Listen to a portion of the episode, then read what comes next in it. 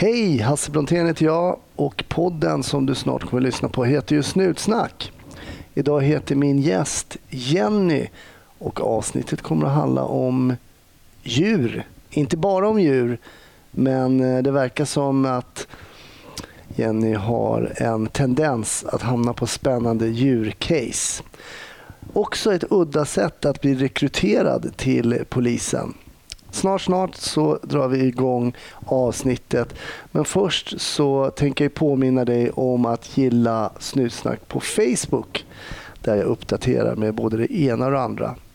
Mig kan ni följa på sociala medier under mitt namn, Hasse Brontén. Instagram och, och Twitter bland annat. Där finns jag. Men nu, var försiktig var du än är någonstans och ha en riktigt trevlig lyssning. 1310 570 kom. 1310 Odengatan kom. Ja, det är uppfattat. Vi tar det. Slut. Bra. Klart slut. Så där, då säger jag välkommen till Snutsnack. Jenny, Tack. hur är det? Jo, men det är bra. Det är ja, bra. Härligt. Eh, Jag fick en, vi känner inte varandra sedan tidigare, men jag fick en snabb eh, eh, berättelse från dig här att du är uppvuxen på en ö. Ja, det stämmer. Och jag ogillar vatten fortfarande. Är det så? Ja, så är det faktiskt. Du var omringad av vatten? Då? Nej, nej, men jag överdriver lite. Jag är uppväxt på en liten, eh, ett litet ställe som heter Däckarsjön utanför Örnsköldsvik. Eh, Okej. Så att det, går en bro över dit. Så att eh, öliv är lite grann att överdriva här. Det var ingen Robinson direkt. Nej, det var inte Nej. så. Du behöver liksom inte ro hem och ro till skolan? Nej, nej, vi bodde inte där så länge. Sen blev det fastlandet och vi har, ja, vi har flyttat runt lite grann. Aha, okej. Mm. Du jobbar som polis idag. Ja. Hur länge har du jobbat som polis? Eh, ja, nu ska vi räkna då. Men jag gick skolan eh, 2005. Eh, så att det är 14 år. Mm. Ja. Hur, hur kommer det sig att det blev eh, polisyrket för dig? Alltså jag hade hoppats att du inte skulle ställa den frågan. Eh, jag vet inte varför det blev så. Jag är ju djurvän. Jag vill ju bli veterinär. Okej. Men jag är jätteallergisk mot katter, så det gick ju inte. Eh, så att jag har tassat runt på lite olika saker. Och ehm, eh, utbildade mig till teckenspråkstolk. Sen tänkte jag, nej det här, var, det här var för tråkigt, det är inte min grej. Biolog, det verkar kul. Så då läste jag eh, biologprogrammet. Eh, Men det blev också lite så här träligt att gå i skogen och plocka svampar och mossa och sånt där. Jag bara, nej, jag vet inte. Men då föll det sig faktiskt så att jag satt i kassan på en, em, en liten butik och sen var det ett rån där när jag satt i kassan. Okej. Det var två stycken kassörskor och de tog ena kassan och så kom de till mig. Det var precis innan stängning, jag var jättetrött, jag hade säkert varit ute kvällen innan eller någonting. Eh, Så jag förstod inte riktigt att de ville ha pengarna. Eh, Men sen när jag liksom uppfattade situationen så ser jag att de har inget vapen, ingenting. Så jag bara, nej, det blir inga pengar. Och då blir det lite så här hetsk stämning, men jag bara, men de har ju ingenting, ingen kniv, ingenting. Så jag bara, nej men det blir ingenting. Så det slutar med att de drar därifrån. Och jag är fort ut efter, du vet så här, kollar regnummer och alltihopa. Eh, Och det som var bra i den här butiken var att eh, det här var innan smartphonesens tid. Ja. Så vi hade en liten lapp i fikarummet och där stod det så här, om det blir ett rån gör du så här. Man skulle lämna ifrån sig pengarna, det var ju som punkt ett. Inte ställa till någon besvär. Man skulle ta signalement, man skulle ja, ringa polisen givetvis. Sen skulle man inte jämföra sina stories emellan med de andra som var där. För då kan det vara så att man förväxlar bilden av vad man har sett. Eh, Så att jag gjorde allt det där, ringde polisen, hade tagit regnummer. Och så kom de dit och eh, vi hade samlat personalen på ett ställe och kunderna på ett ställe och sådär. Och de var jätteimponerade av mig, jag var ju ett riktigt badass. Så de bara, gud du borde bli polis. Jag bara, nej jag vet inte riktigt. Eh, Men de skickade hem ansökningshandlingar till mig. Skickade de till dig? Ja, skickade alltså? hem till mig. Du var ju liksom så handplockad då. Ja, jag vet inte. Ja, nej, det blev en lång historia där. Men, eh, men till slut jag bara, men okej, jag fyller väl i det här.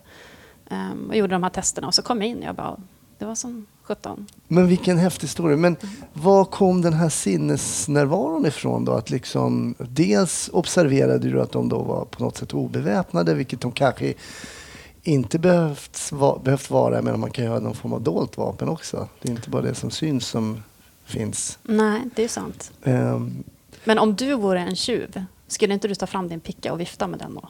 jo, det kanske jag skulle göra. Jag tror det.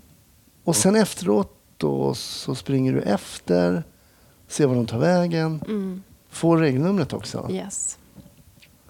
Alltså det låter jättebra för att när jag kommer hem sen till min hemstad och hälsar på farmor och farfar så hela släkten där, det brukar vara någon sorts gathering. Då berättar farmor och farfar med stor stolthet om den här händelsen. Och då hade den ju liksom eskalerat lite grann. så att vi, vi, när jag fick liksom det här återberättat för mig, då hade de här automatvapen och jag brottade ner de här själv och så vidare. Så att eh, du får välja vilken historia du vill, men eh, jo, min historia är den sanna, om jag säger så. Ja, men ändå. Jag tycker ändå att det, det tyder på, på en viss sinnesnärvaro. Och så måste jag nästan hålla med de här poliserna då, att det finns ju ett ämne här som eh, man skulle vilja forska vidare kring. Just om du är en bra polis eller inte. För att jag tror att det krävs i sådana här situationer. Jag tror man vet inte hur man gör i vissa situationer förrän man är utsatt för dem. Ja, men så är det nog. För jag menar om någon hade frågat dig innan, hur hade du tänkt dig då att du skulle ha agerat? Du kommer, Janne, du kommer bli rånad imorgon. Vad, vad kommer, du, kommer du göra enligt listan? Ge pengarna och så vidare? Eller, hade du, fanns det här, Visste du att det här fanns i dig på något sätt? Att du skulle säga så nej det blir inga pengar. Nej, men du vet att jag har en storebror så att jag är ganska van att sätta upp motstånd sedan jag var liten. Ah. Och då får man prova liksom, tills dess att man får stryk. Och hur mycket stryk kan man ta? Nej, men alltså, jag, när jag hade någon sagt att jag skulle bli rånad, då hade jag nog tänkt att jag skulle, att jag skulle mm, kanske vara ett badass och brotta ner. Nej, jag vet inte. Men jag hade nog inte tänkt att jag skulle ge ifrån mig pengarna. Nej. Nej, det tror jag inte. Nej. Det kan säkert vara någonting med, med relaterat till din storebror och, och, och brottningen på den tiden. Det är nog inte helt omöjligt. Men vi ska inte gå in och bli så freudianska kanske Nej, analysera. Men, men okej, då kom du i alla fall in då. Mm. Så tack vare eller på grund av att de här poliserna skickade dig ansökningshandlingar så kom du in. Jajamän. Var, var befann du dig i landet då? då? I Linköping. Okej. Och när man kommer in då får man söka en viss skola då eller blir man hänvisad till den? Jag sökte både Stockholm och Umeå. Mm. Och då kom jag in i Umeå och tänkte det blir bra. Mm. Så då tog jag mitt pick och pack och flyttade upp till Umeå. Okej. Men hur var motivationen då? Det har inte varit, jag menar du var biolog eh, och eh, du var teckentolk och sen så plötsligt tar du din pick och pack och drar till Umeå och ska bli polis. Hur kändes det då? Men alltså jag har nog alltid gått på känsla, tänker jag. Och mitt omdöme verkar ju inte vara så himla bra. För alltså det här med teckenspråk, det var inte min grej. Nej. Gå i skogen och titta på mossa hela dagarna var inte min grej. Så när någon annan säger bara, gud du kommer passa jättebra som det här, tänkte jag, men det är väl värt ett försök. Um, s- Och sen är ju polisutbildningen, det är som ett enda stort äventyr. Det är ju fantastiskt. Mm. Man får lära sig jättemycket om sig själv, om hur samhället fungerar, om andra människor. Så att ehm, det gick en rasande fart, eh, med Ja. polisutbildningen. Det var jätteroligt. Vad tyckte du att du fick lära dig om dig själv som du inte visste innan du började på polisutbildningen? Ja, men det var nog att, eh, att vara lite mer ödmjuk också mot sig själv. Att jag fixade inte alla situationer. Det är lätt att tro att man skulle fixa någonting fram till dess att man är där. Mm. Då, då inser man att ja, men det var inte så enkelt. Eller jag blir rädd till exempel. Jag tycker den här situationen är jättejobbig för mig. Eh, Men även att jag klarar situationer som jag kanske inte hade trott att jag skulle mäkta med. Ja, just det. Ja, Så både det att man klarar saker man inte har tänkt sig klara innan och tvärtom. mm. Ja. Det tycker jag är intressant. Jag gjorde några tester en gång till... Um, jag ville bli livvakt när jag Mm. jobbade som polis. Och tänkte men jag är bra på det och jag är dålig på det. Och sen när testerna kom så var det nästan tvärtom. Mm. Alltså, um, det som jag trodde att jag var väldigt bra på var jag inte så himla bra på. Det jag trodde jag var ganska dålig på var jag riktigt bra på. Mm. Så ibland så eh, kan man förvåna sig själv. Och det kan man göra också när man söker då kanske till, till polisutbildningen. Mm. Hade du någon som helst tanke kring när du... Jag menar, för man, man har ju många, liksom, man läser ju många olika ämnen och det, man får ju också inblick kring att det finns många inriktningar inom polisen. Hade, fick du någon feeling för vad du ville göra liksom, senare i någon form av polisiär karriär sen? Nej, inte under polisutbildningen. Det var väl mer när man kom ut på aspiranten sen. Då fick man ju på den tiden i alla fall vara ett visst antal veckor på olika avdelningar. Man var på krim, man var på trafiken, man fick vara på krimjouren och så vidare. Och där fick man en känsla för att ja, men det här Mm. verkar kul. Var du i Umeå då också? Eller? Nej, då var jag i Östersund. Okej. Mm. Mm. Så då flyttade jag till Östersund istället. Bytte Ja. ort igen? Ja. Jajamän. Eh, nej, men, eh, jättekul. Jag trivdes på alla avdelningar. Jag tror att mycket gör liksom personalen man jobbar med att det Mm. blir roligt. Mm. Mm. Och du sa att polisskolan gick i en rasande fart. Mm. Va- Varför, var, var, varför gick ni i rasande fart? Var det för att det var någonting som var roligt? Brukar ju oftast tiden försvinna rätt fort. Eller, va- Ja, men det varför? är roligt. Det är jätteroligt och det är varvat med, med praktik och teori. Eh, så att tiden går snabbare. Och ehm, de, de här poliserna som skickade med ansökningshandlingar, som ringde till mig och peppade på mig att jag skulle söka, de hade helt rätt. Alltså, det här var ju min grej. Verkligen min grej. Jag, gillar, jag gillade alltihopa. Okej, juridiken var lite trälig emellanåt, men det var jätteskojigt. Jag tycker fortfarande att det är top notch. Jag skulle aldrig vilja byta bort det. Alltså jag tror du är den första, du måste vara den första polisen som har blivit polis eh, på grund av att du blivit rånad. Tror du det? Ja, kanske. Jag har i alla fall inte hört den, i alla fall inte hört den innan. Men jag måste också ge en guldstjärna till de här konstaplarna som, som skickade ansökningshandlingar till dig. Mm. Jag hörde faktiskt av mig till en av dem efter att jag blev färdig polis. Nej, vad roligt. Ja, så han tyckte det var jätteskojigt. eh, Så det var bra att få en liten återkoppling också, att, Ja, att det gick så bra. Mm. för det har vi hört här i podden också tidigare, att återkoppling är någonting ibland som man kan sakna som polis. Att man, oavsett om man är på en trafikolycka eller man är på, någon, på ett annat ärende så får man inte alltid en återkoppling. Vad hände sen? Mm, mm. Så då fick du bjuda de här en av de här konstaplarna på det i alla fall. Då. Ja, men precis. Men sen eh, är man ju färdigutbildad. Då. Var, var sökte du dig då? då? Ja, då var jag kvar i Östersund och ehm, ja, som sagt, jag trivdes överallt. Krimjouren var jätterolig. Jag tror jag hade kunnat fastna på trafiken också. Men, eh, Om vi säger krimjour, om vi förklarar det för folk som inte jobbar som poliser.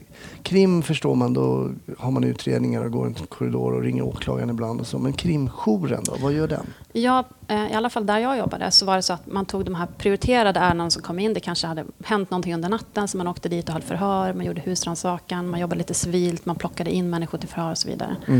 Ehm, ja, så att det var lite mer...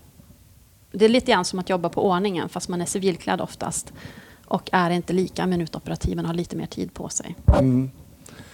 Och eh, gör de sakerna som behöver göras då. Ja, precis. Och sen när man har kommit en viss längd i en utredning kan man antingen lämna ifrån sig den till en annan, alltså regelrätt utredare, eller att man driver hela ärendet beroende på hur mycket tid man har helt enkelt. Ah, Okej. Mm. Intressant, just det. Så man kan få göra de här förstahands, inte riktigt förstahandsåtgärder kanske, men sen lämnar man ärendet till respektive rotel då kanske. när man- Precis. ja. Mm. Och- Och sen har jag jobbat i yttre tjänst, det vi kallar för IGV. Och Mm. det tyckte jag var... Det är väl det som de allra flesta tycker är det roligaste. Mm. Att bara åka runt i en polisbil och få åka på olika jobb. Ja, men det är så mycket mer. Det är ju det är fantastiskt. Man träffar ju massor med människor och man vet aldrig vad som kommer hända. Alltså, ena dagen då är det samurajsvärd och man drar pistolen. Andra dagen då besöker man en dagisklass. Det är, eh, och I Jämtland där jag jobbade så var det ju det är någon björn som har dykt upp någonstans. Man ska göra någonting där. Alltså, det är så varierat. Ja, jag tror inte vi har hört om några björnärenden heller tidigare i podden. Har du varit på någon björn? Ja. Björnjobb?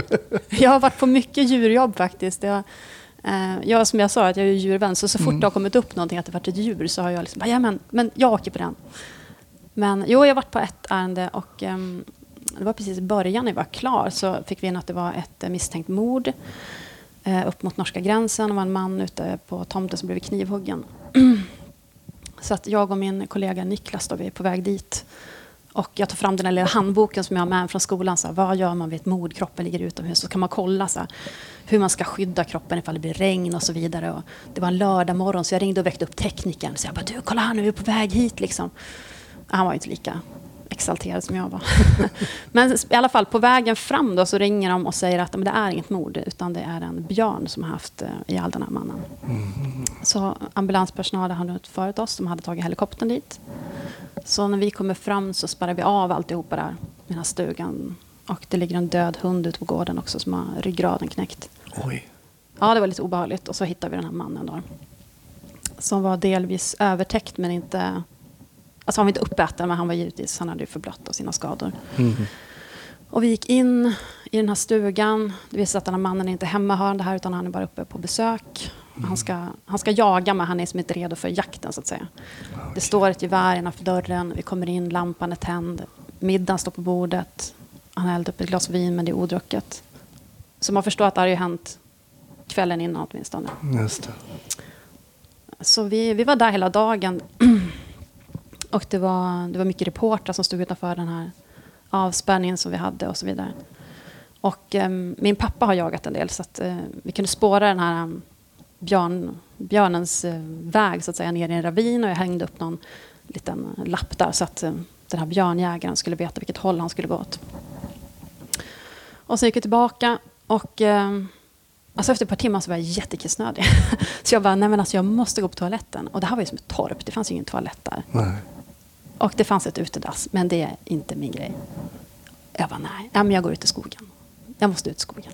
Och den här björnen, den hade gått ner i en ravin till vänster, så jag bara, jag går till höger upp i skogen. Det blir jättebra. Jag är lite nervös. I alla fall, papper med, knatar ut i skogen, sätter mig liksom ner i en, en, en sänka där. Fram med pickan, osäker ifall det skulle komma, inte vet jag, en björn kanske. Eh, och så ska man liksom hålla papperstussen i andra handen, ner med brallorna. Och alltså som tjej och kissa så här i skogen, det, det är besvärligt ändå. Och det här kopplet man har på sig, det väger ju jättemycket. Och jag var så himla kissnödig. Men jag satt där och kissade i alla fall. Då ser jag, fan det rör sig framför mig. Vad är det jag ser? Och jag kan inte sluta kissa. Alltså, och jag vet, pistolen skakar, jag försöker sikta. Jag bara, men det ser ut som en björn. Nej. Och jag ville liksom bara upp med brallorna därifrån, men det gick som inte. Och jag bara, nej, för jag ser syner, Jag, bara, jag blundar, jag vill inte, jag vill inte. Så det var snabbtorkning deluxe, upp med brallorna, stoppade in pickan i liksom armhålan för att kunna knäppa på en kopplet. Jag bara, det rör sig fortfarande därifrån. Jag sprang tillbaka till stugan. Sen kommer den här björnjägarna och jag visar liksom att här har vi gått. Ja, så han spårar ner där. Och det tar en stund och sen så ringer han mig. Han bara, men du, jag har hittat var du har varit kissat någonstans. Jag ser din lilla, la- lilla eh, papperstussa. Jag bara, nej men har gått åt fel håll. Jag gick liksom åt höger där. Han bara, ja men björnen ligger här. Vi har precis skjutit den. Så den låg där i sänkan, kanske bara 5-7 meter framför mig. Och du vet när han berättade det, jag blev så, fick sån himla frossa. Jag bara, men gud jag hade kunnat bli uppäten. Men eh, var, det var björnen du Det såg? var då? björnen, ja. Ehm, Så det var inte bara en sån kiss-hallucination? nej, nej, men precis. Så jag Men blev jättenojig. Ja. Jag Men- orienterade mycket innan dess, men efter det så var jag ute i skogen bara någon vecka senare. Och det brakade till, du vet, det var säkert någon älg eller något. Men då först blev jag jätterädd. Så Ja. orienteringen, den fick eh, läggas Men när du, när du uppfattade det här som du, som du visade sig senare var en björn, hur Mm. långt, hur långt bort var den då? Ja, inte mer än sju meter. Inte mer än sju meter. Det är Men- nära. Ja, det är nära. Skulle någonting från sju meter springa mot den, då hinner man inte dra sitt vapen ens. Nej, men jag hade ju pickan framför. Nej, jag menar det. Men inte för att den du hade hjälpt kanske. Men... Nej, det är det jag undrar. Det beror nog på vad du hade träffat. Ja, om jag hade träffat. Om man har träffat, ja. För man har väl inte tränat skytte med neddragna byxor så ofta?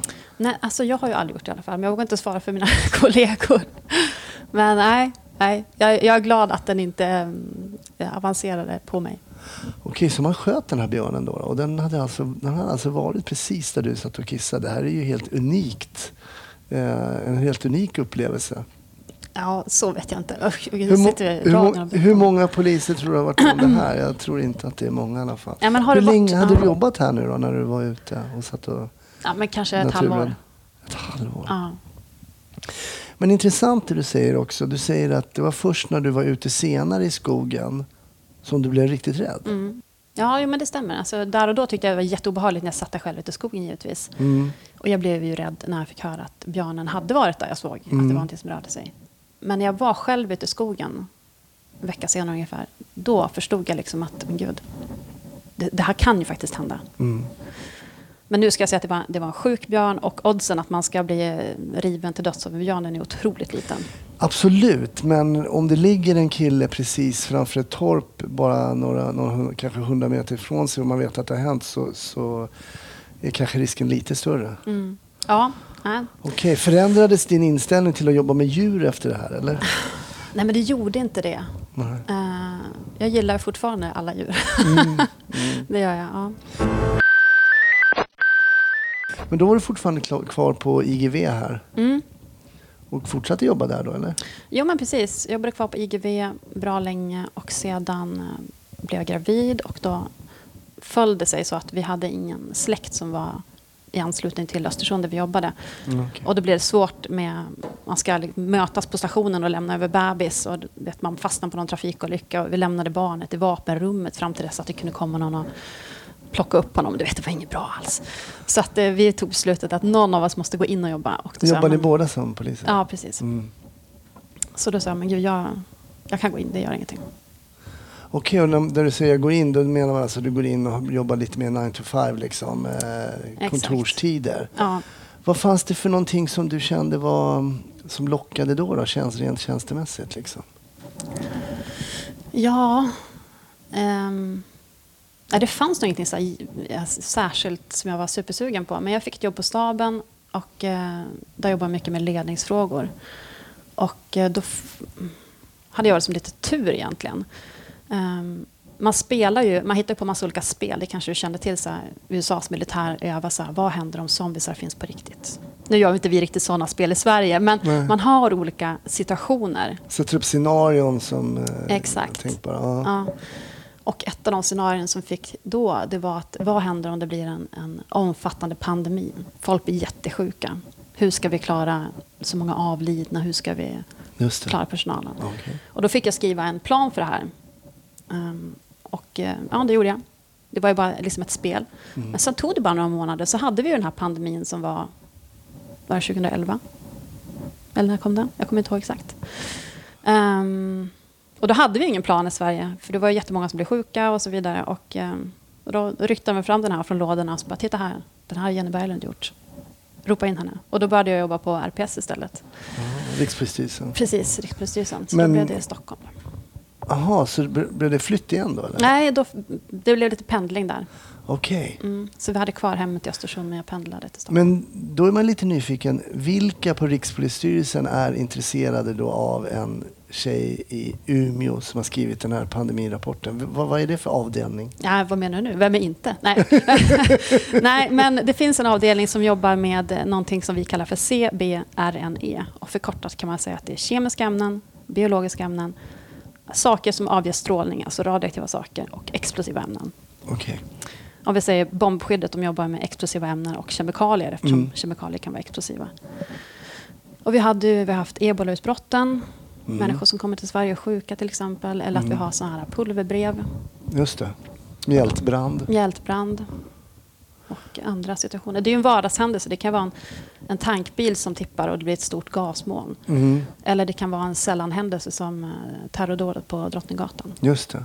Men det här är jätteintressant. Det finns, då finns det alltså en avdelning som, som specialiserar sig då kring de här frågorna. Mm, stämmer. Vad visste du om det här innan, förutom att du hade skrivit in eh, rapport kring det här då, fiktiva caset? Liksom? Precis. Men jag hade ju läst biologi innan. Mm. eh, biologi det. och kemi. Så det var ingen nyhet för mig om alltså, sakers farlighet egentligen. Nej. Och jag är från Norrland och alla från Norrland kan ju någonting om explosiver och dynamit. Så det var ju också lite sådär, det där kan jag, det är inga problem.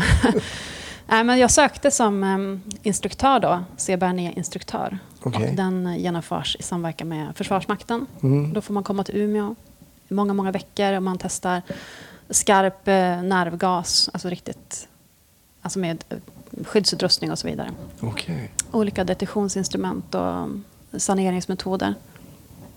Eh, Så jag kunde ju lite grann om det där Mm. ändå. Och, ehm, nu blev det mer pappersjobb istället för att jobba mer hands-on så att säga. Men, ja. Så jag har varit kvar i det där.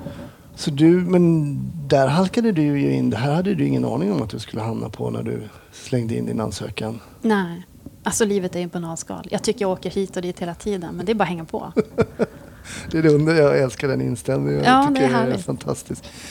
Men det var ju ett tag, eh, bland annat i USA, så jag vet att det var några som i alla fall avled. Jag tror det fanns några dödsfall. Man skickade så här mjältbrandssporer, va, Mm. eller vad man kallar det. Precis. Eh, och där trodde man väl att det var någon forskare eller läkare. Han tog livet av sig tror jag. Mm. Men, men hur, om vi bara, hur, ponera att någon får sådana här brev med till exempel vitt pulver. För det har man också läst någon gång i tidningarna att vitt pulver skickas till politiker eller till någon annan makthavare. Något sånt. Mm. Vad, vad finns det för liksom, beredskap inför en, för sådana händelser? Men det är en jättebra beredskap. Alltså man ska inte vara orolig.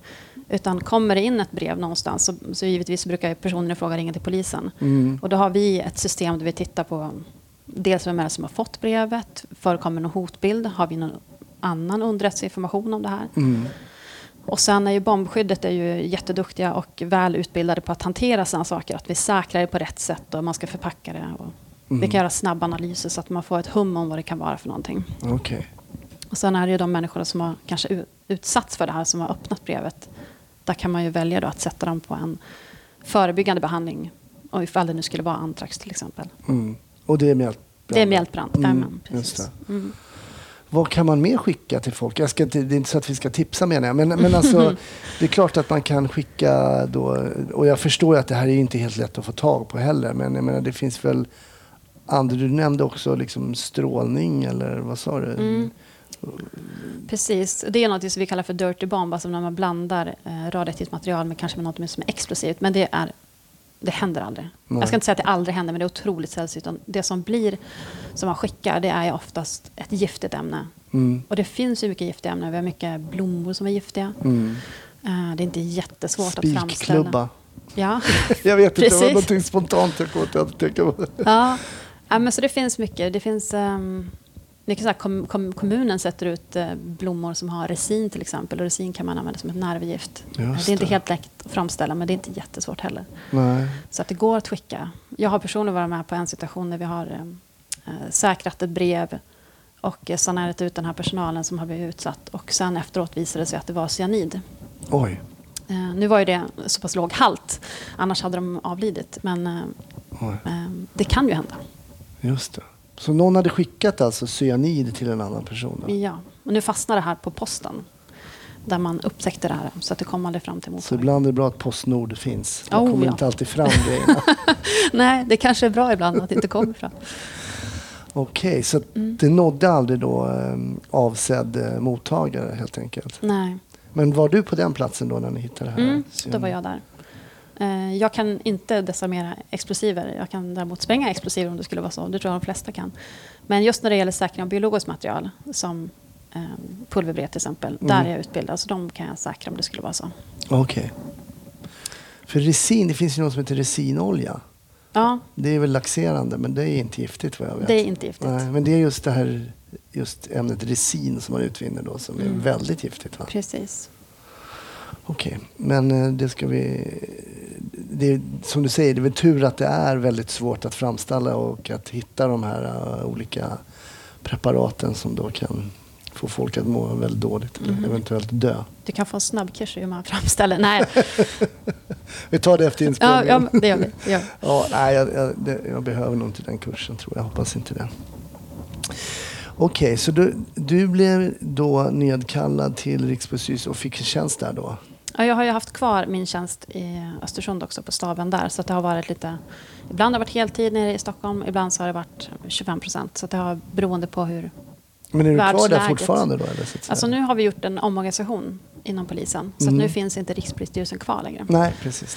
Det. Eh, Men nu har jag en tjänst där jag jobbar med utvecklingsfrågor när det gäller Sebernia och nu är jag stationerad i Umeå. Så nu är jag tillbaka i Umeå igen. Ja, okej. Mm. Känns det att vara tillbaka där du börjar plugga? Jo, men det känns eh, bra. Det, Mm. Jag har inga problem. Det spelar ingen roll vart jag bor någonstans. Egentligen. Jag kan bo var som helst. Är det så? Ja. Härligt. Det är inte så att du saknar ön? Nej, nej gud. Nej, men det här med vatten var inte min grej. nej. Ja, Östersund är jättevackert, men jag var färdig där också. Stockholm. Ja, men det är lite läskigt med Stockholm. Det är så mycket folk där. Och, Ja, ja. fast det beror på vad man jämför med. Jo, det är sant. Men du vet, Norrland, allt är Norrland. Ja, ja, det är klart. Det är så. Det är så. Ja. Okej, så då är du stationerad här i Umeå där vi befinner oss nu ju. Mm. Och din polisiära liksom väg, vad kommer den, hur kommer den fortsätta då? Jag vet inte riktigt. Alltså jag, är, jag är som sagt djurvän, så att, eh, jag har börjat peta lite grann på det här med illegal jakt, med grova jaktbrott. Okej. Alltså när man skjuter björn till exempel, eller järv och varg olagligt.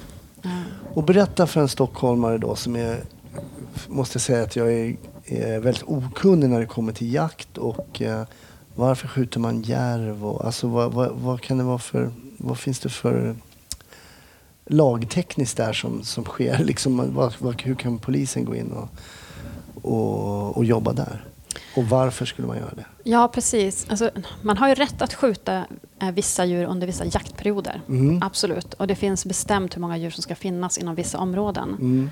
Men sen kan det vara så att människor eh, skjuter eller plågar djur av andra skäl. Och varför, det, får ju vara, det kan jag inte svara på. Nej. Men, eh, men, men det sker ju, det sker ganska omfattande tjuvjakt Okej. av, av björn och, och varg och lo. Kungsörn också för den delen. Vad gör man med de här djuren då? Eh, ja, du tänker va- varför man Vad- skjuter dem ja, eller det, varför, ja, men hur det precis. går till. Nej, men, Kungsörn till exempel. ja, alltså det som jag har reagerat mest på det är väl det att om säger att du har en, en hund eller en katt. Mm. Då finns det ju regler hur man ska sköta den här.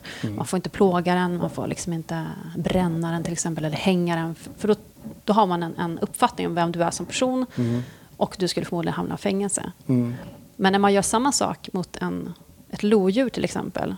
Man kan, man kan hänga den, man kan skadeskjuta den och skicka hundar och så vidare. Då blir det som lite, in, alltså det är lite coolt i de här kretsarna. Nu drar jag alla över en kam. Men det Ja, finns men det- jättemånga av de här. alltså, Det är inte liksom bara illegal jakt att man sticker ut och skjuter någonting. Utan man plågar verkligen de här djuren. Ehm, men den bilden man får av de här människorna som att det, det var bra gjort, man får klapp på axeln. Beroende på vilket djur man gör det här mot. Är det hunden hemma eller är det lodjuret i skogen? Och det är så himla konstigt. Så ja, men där har vi börjat jobba lite mer nu med de här frågorna. Att vi behöver mer underrättelser, att vi håller koll på vart det här sker någonstans. Vi gör mer tillsyner, jobbar tillsammans med Länsstyrelsen. Använder helikopter. Men om vi säger så här, vi säger att man lyssnar på podden Snutsnack och så vet man någon som har skjutit en eh, lo eller en järv eller någonting. Och hur, ska man, hur ska man gå tillväga? Kan man tipsa om sådana här saker? Då? För jag menar, polisen, alltså få in en, en bra uppgiftslämnare oavsett vad, vad det gäller för brott är ju väldigt viktigt. Mm, absolut. Nej, men det, man kan ringa 114 14 Mm. och, och lämna tips. Mm. Och jättebra för man kan lämna någon typ av kontaktuppgift ifall det är så att man vill följa upp det här. Så kan vi komma till platsen kanske och göra någon mer undersökning. Jag kan inte garantera att man alltid får vara anonym. Det beror på hur, hur eh, långt man kommer i ärendet. Men vi försöker att så långt det går att alltid människor får vara anonyma om det så att de vill det. Just det. Men är det här någonting som du jobbar med nu eller som du kommer att jobba med? Jag har börjat lite grann faktiskt jag här. jobba. Mm. Ja, okej. Så att det kommer att vara än mer nu under våren och under hösten kommer vi göra mycket, mycket tillsyner och tillslag i det här. Okej. Väldigt nischat och eh, för mig som... Jag har aldrig varit på en... Jag jobbar ändå f- 15 år ute Mm. som polis. Aldrig varit på en viltolycka i mitt liv. Va? Är det sant? Aldrig. En gång så hittade vi en död katt som Okej. var helt stelfrusen som jag försökte kasta över ett stängsel men den studsade ut tillbaks på vägen. För den, den tog upp. Ja, det var en väldigt absurd och vi, jag kan, vi skrattade åt det lite också. Men eh, vi orkade inte åka till den där kadaverlådan. Ja, ni har en kadaverlåda? Ja, det finns en kadaverlåda då som man åkte till och slängde. Vi hittade någon död hund någon gång som någon hade haft ihjäl. Och då åkte man och slängde i en kadaverlåda. All right. Så Ja. där alla så gamla kadaver. Det är, så jag har haft extremt lite att göra med, med djur eller, eller så. Ja. Eller jag har tagit faktiskt, vi slog ihjäl en fiskmås en gång. Eh, det kommer jag på nu. Som vi hittade på Sergels torg. Som flaxen hade bara en vinge. Och sen så... då hörde jag mig till... Eh, jag tänkte den kan man ju rädda kanske då. Mm. Men så hörde jag mig till ledningscentralen och sa vad ska vi ta den här typ till någon veterinär? De bara ni får slå ihjäl den och åka till kadaverlådan. Så vi gick ner till, till Humlegården där gick vi ner och sen stod batongen och så slog vi ihjäl den här fågeln och sen körde den till kadaverlådan. ja, bra gjort det. Ja, jag vet inte vad bra. Men det var väl kanske så en fiskmås tror jag inte står så. Den stod väl inte så högt i, i rang där man kommer in till veterinären. Jag vet inte. Kanske var fel gjort. Men Ja, det gick säkert jättebra. på den tiden så, så gjorde vi så. Ja.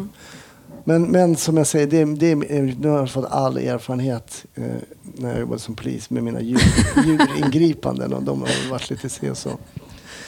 Ehm, jag brukar ju be min gäst ehm, ta med sig en historia Mm. som har stuckit ut på ett eller annat sätt. Alltså någonting som man kommer ihåg eh, starkt av en eller annan anledning. Mm. Har du funderat lite kring en sån. Den här, tycker den här björnhistorien, den täcker ju... men, den fick komma med på, Ja, precis. fick komma med på sladden där. Ehm, alltså när man börjar fundera så har man ju jättemånga roliga historier. Mm. Eh, sen finns det de här tunga, träliga som man kanske vill lägga bakom sig också. Mm. Men om jag ska fortsätta mitt djurtema här nu eftersom jag är djurvän. Så Absolut. kör jag en sån historia. Det tycker jag. Är du redo? Jag är redo. Ja. Okej, det är slutet på sommaren. Det börjar bli sent på kvällen. Klockan är 8-9 någonstans där. Mm. Och eh, vi ska sluta vid 10-tiden. Och jag ska jobba med Niklas, eh, som jag jobbade med tidigare på den här björnhistorien. Mm. Han vet ju om att jag gillar djur. Så kommer det in ett samtal om en hund som man har hittat påkörd bredvid vägen. Och jag bara, snälla, snälla, kan vi inte åka på den här? Alltså Niklas, han är inte... Han ogillar inte djur, men alltså, han är inte särskilt int- intresserad heller. Nej. Han bara, nej men du vet, vi väntar liksom. Jag bara, nej men kom igen, kom igen, vi hinner. Det är bara, det är bara tre mil dit, vi åker dit. Ja, ja, okej. Alltså vi åker dit och träffar de här som har ringt in och ser den här hunden. Och jag ser direkt att, vet att hunden är påkörd, ja, men det har inte hänt idag. Eller den är skadad i alla fall, utan det, det är var och den är ganska svullen sådär. Okej. Men hur finns hunden vid... Hunden ligger bredvid vägen. Ja, den ligger nere Mm. skadad. Ja, förstår. Mm. Ehm, så vi tackar för hjälpen och vi har med oss en sån här scanner då, som man kan scanna och kolla ifall den har ett chip i nacken. Så jag går fram mot hunden för att, för att scanna den här. Då, och då reser den sig upp och springer in på någon grusväg. Alltså vi hämtar polisbilen då och följer efter den här.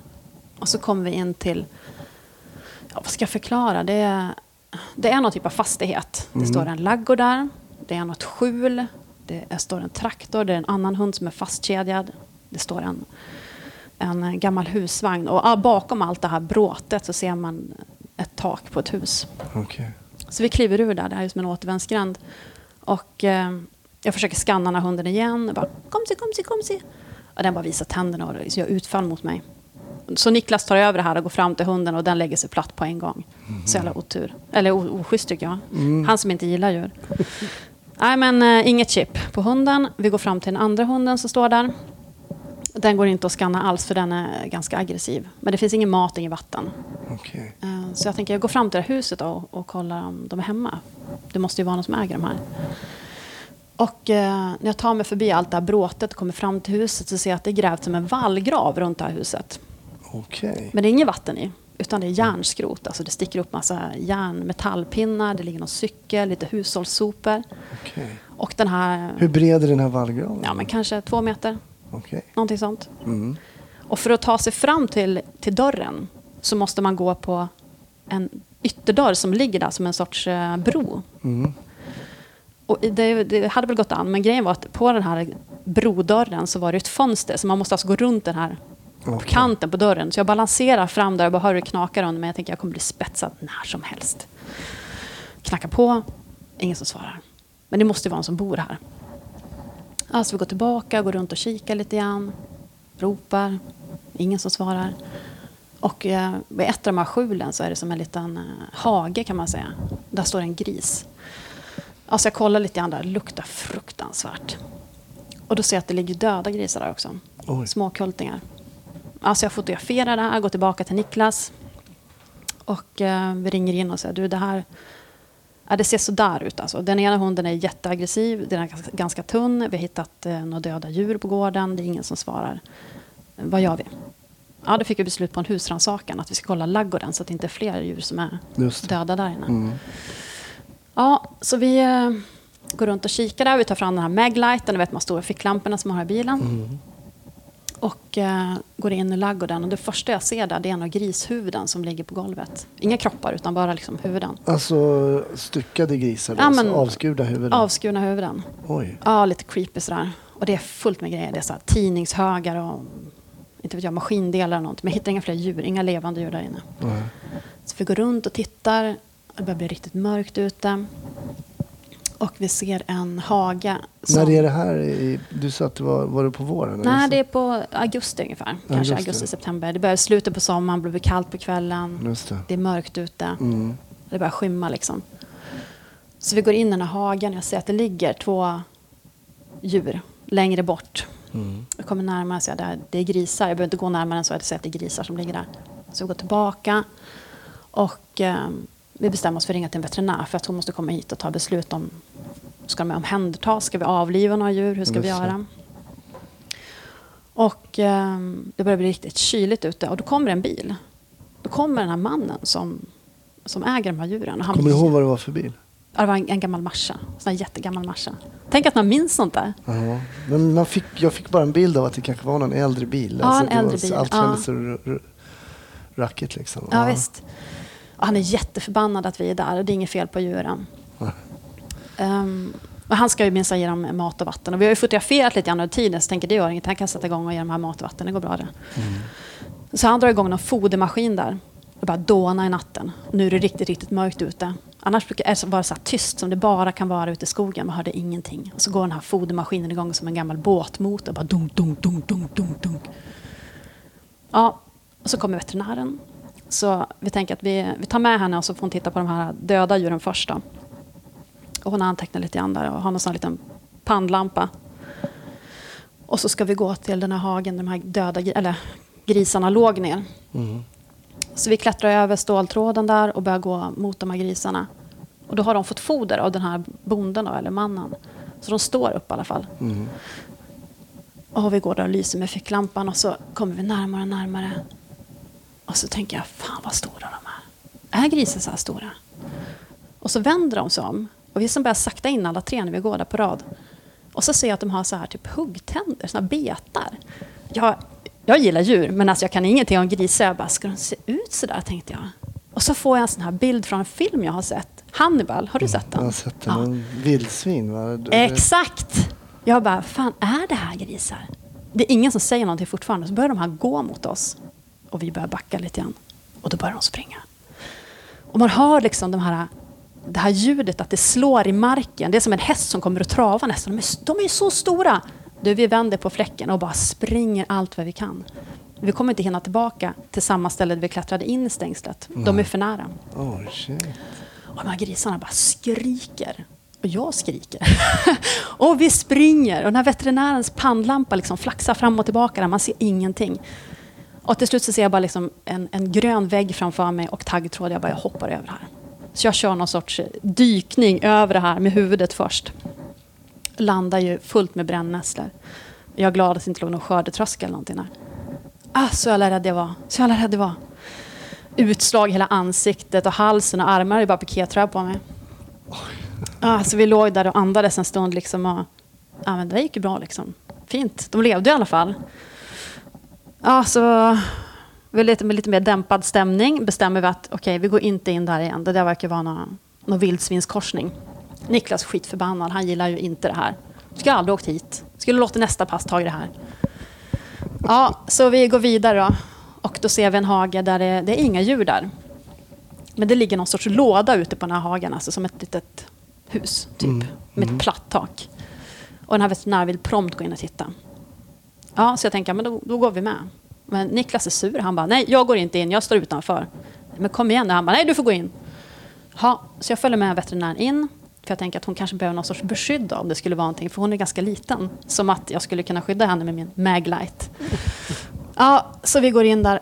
Och när vi börjar komma närmare det här huset så hör jag ljud inifrån det där lilla skjulet. Då. Och så kommer ut såna här jävla vildsvin. Och vi hoppar upp på taket. Och de där är jätteaggressiva. Vem visste? Så de börjar stånga på den här byggnaden, så de börjar gunga. Och hon skriker mig i örat. Jag håller om henne krampaktigt. Och jag skriker också. Och jag tänker, nu dör jag. Alltså jag ser den här bilden framför mig från den här filmen. När de här grisarna liksom bara äter upp folk. Just det. jag Ja, alltså så också. minns jag också den där filmen i alla fall. Jag skriker till Niklas. Skjut! Skjut! Och jag är så jävla rädd. Jag är så rädd så jag har liksom mitt blod dåna i öronen. Bara. Och så den där fodermaskinen som går och dunkar i natten. Dunk, dunk, dunk, dunk. Och grisarna skriker och stångar den här byggnaden. Och jag tänker, jag offrar veterinären. Jag kastar ner henne. Jag gör det. alltså, du vet, tanken får genom mitt huvud. Men eh, den här bonden är ju där. Han skriker ju. Och grisarna springer mot honom. Då ger han dem foder. Eh, Så han räddade lite. han räddade oss lite grann. Och så tittar jag på Niklas, för jag är fortfarande du vet, så här. Och han bara står och skrattar. Han står på andra sidan staketet och, och skrattar. Han har dragit pistolen, det har han gjort. Men han skrattar så mycket så han kan ju fan inte sikta. Jag var så förbannad att han liksom bara inte räddade mig där. Och vi klättrade ner och tog en genväg ut ur den här hagen också. Nej, så att är djurvän, ja, men det här med grisar och vildsvin, det är inte min grej. Det här lät Nej. som en väldigt speciell historia. Men vad händer här nu då? För jag tänker att ni har ju veterinären där.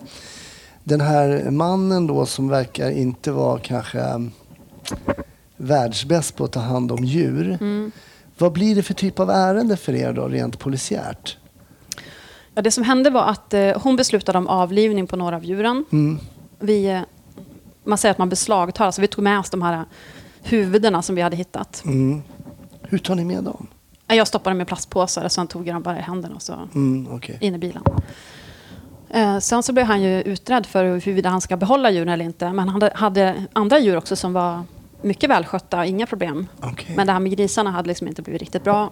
Han fick ta hunden till veterinären, en annan veterinär för att få de här såren ja, omhändertagna. Den hunden som ni initialt var och tittade på? Mm. Ja, Och han fick behålla hundarna sen också. han fick det. Mm. Men jag vet inte vad som hände sen med utredningen. Men jag har åkt förbi där ett par gånger. Jag ser den här grusvägen. Och varje gång så tänker jag att fan Jenny, vi klarar det. Det är, liksom, det är Hannibal all over. Så att vildsvin, det är ingenting jag vill stöta på. Men Ever fast det inte en tanke också. Du, du berättade att du var, hade en tanke om att du ville offra eh, veterinären. Men fast det, inte en fast det inte en tanke också att själv skjuta de här eh, som bufflade på det här skjulet som ni stod på. Ja, men det var ingen chans. Alltså det, det var som hela havet stormat. Det gungade hela byggnaden. Vi Ah, okej. höll om varandra. Mm. Det var som att den sista stunden var, var kommen. Så jag skrek bara skjut, skjut, skjut. Och han bara står och garvar där borta. Jag kan tänka mig att det såg roligt ut. Men, Men fick du någon, fick du någon inblick kring hur, vad det var för typ av grisar här också? ja, eller? men det visade sig att han hade, ju, han hade ju fått tag på vildsvin som han hade korsat med Ja, grisar. Och de här två stora där uppe, det var ju alltså riktiga vildsvin. Ah, okej. Ja, de där som vi fick hoppa över staketet. Men jag menar, och de här, det låg ju döda kultingar också sa du? Mm. Jag vet inte vad det var för, om de var vanliga som Nej, grisar nej, eller det, men- korsade. Men fick han, fick han ha kvar grisar också? Eller? hur- Det vet jag inte vad som hände. Nej, nej, Du Nej. fick... Vilka är det som, som liksom utreder ett sånt här ärende? Vad, vilken rotel läggs det här på? Ja, ofta så blir det ju, i alla fall på små ställen, att det blir någon som har kanske fallenhet eller som har jobbat med djurbrott, alltså brott mot djur tidigare. Okej, mm, Ehm, eller kanske miljöbrott. Jag vågar inte svara på Nej, vilka som fick det. Nej, men det, nu blottar jag ju min totala okunskap här när det kommer till djur. Men, men det, är ju, det är ju ett väldigt ovanligt ärende. Mm. Jo, det där var men Särskilt för Ja. jag menar för en, ni jobbade på IGV, jag menar det är ett sånt jobb man får över radion och ska titta på en hund och sen kommer man in i det här eh, liksom Hannibal-caset. Mm. ja, gisses. Ja, men det är någonting som jag ändå har liksom um, reflekterat på ibland, att polisyrket är brett. Alltså det är verkligen så. Man, man jagar skurkar, man stoppar bilar och blåser, blåser folk och ser om de är alkoholpåverkade. Ja. Eh, och sen är det... Och sen plötsligt står man på ett skjul med en veterinär och eh, undrar vad man, varför man sök, kastade in den här ansökan. Ja, lite så. Men jag offrade, alltså jag, jag medger att jag tänkte att jag skulle offra henne, men jag gjorde det inte. Det var, Nej. det var en snabb tanke. Och jag är så glad att hon var så där liten och nätt. Annars hade vi liksom... eh, Brakade taket de- hade brakat ihop. Jag förstår. Ah, vilken häftig historia. Det är, alltså man slutar aldrig förvånas över polisens, polisens upplevelser. Och när en polis säger, eller någon som har jobbat som polis, säger men allt kan hända, så är ju det här eh, ett bevis på att i stort sett allt kan hända. Dels din björnhistoria, men också eh, den här eh, vildsvinsstoryn. Mm. Helt eh, fantastiskt intressant. Okej då, men vad ser du dig själv om eh, tio år? Då? Är du fortfarande kvar där du är eller får du skicka in mannen på eh, dagtid och så får du ut? Har du någon lust att åka ut och köra, dra i knappen och eh, blinka blått och lite så? Ja, alltså jag hade något så gästspel på eh, yttre tjänst i fjol, men alltså jag är nog mer en fara på vägarna än vad jag liksom är någon tillgång egentligen. Men jo, men visst är det roligt, men var sak har ju sin tid. Mm. Eh, Jag vet inte, tio år? Nej, jag har ingen aning. Nej. Alltså jag, jag går på magkänsla och vad som är roligt. Mm. Eh, Så vi får se vad som dyker upp helt enkelt. Mm. bra tanke tycker jag, att gå på magkänsla med det som är roligt. Det är ju, jag tror ju bara att vi lever en gång så jag tror att det är viktigt att vi har roligt på vägen. Mm. Så jag gillar ditt tänk. Vi brukar ju ha en fast punkt till och den tänkte jag vi skulle ha även idag.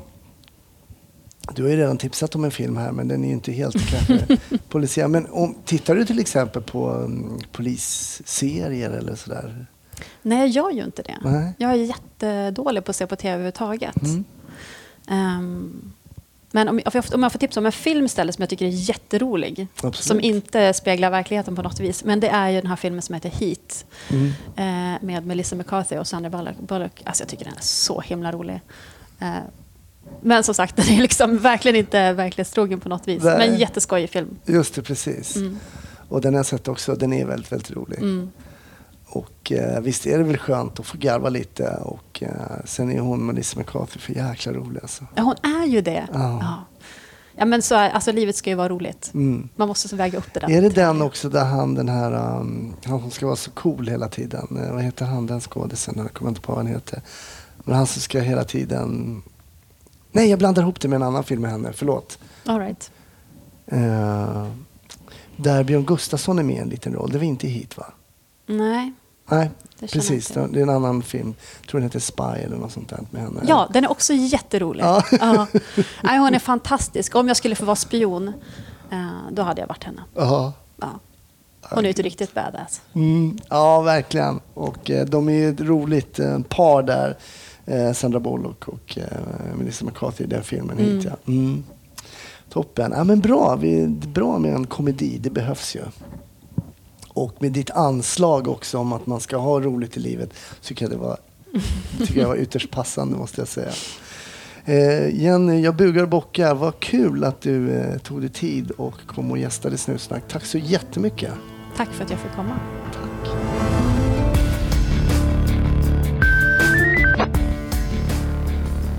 Stort tack för att du har lyssnat på ytterligare ett avsnitt av podden Snutsnack. Jag heter Hasse Brontén och jag kommer komma tillbaka i nästa vecka med ännu ett avsnitt. Så fram till dess, gilla oss på Facebook, följ mig på sociala medier och ha det fantastiskt bra. Så hörs vi. Hej!